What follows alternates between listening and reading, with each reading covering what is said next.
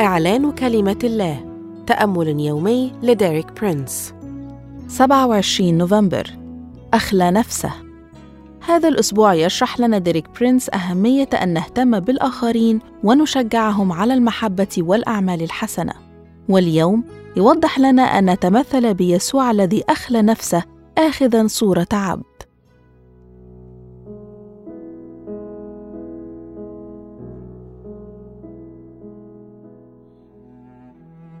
يخبرنا الرسول بولس في الإصحاح الثاني من رسالة فيليبي أننا نحتاج أن نتبع مثال يسوع.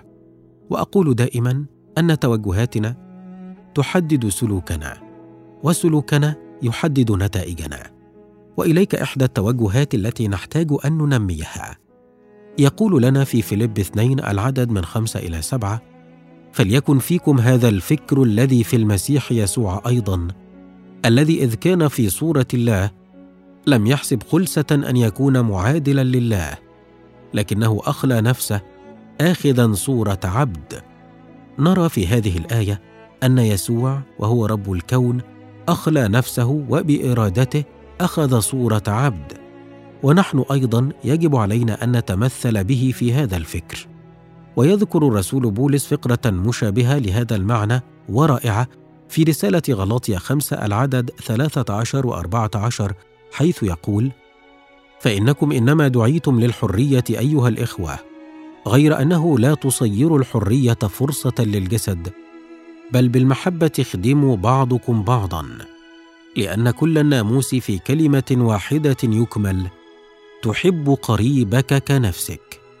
عندما نهتم بالآخرين نحرر نفوسنا من الخضوع إلى طبيعتنا الجسدية أو الرضوخ لأنانيتنا.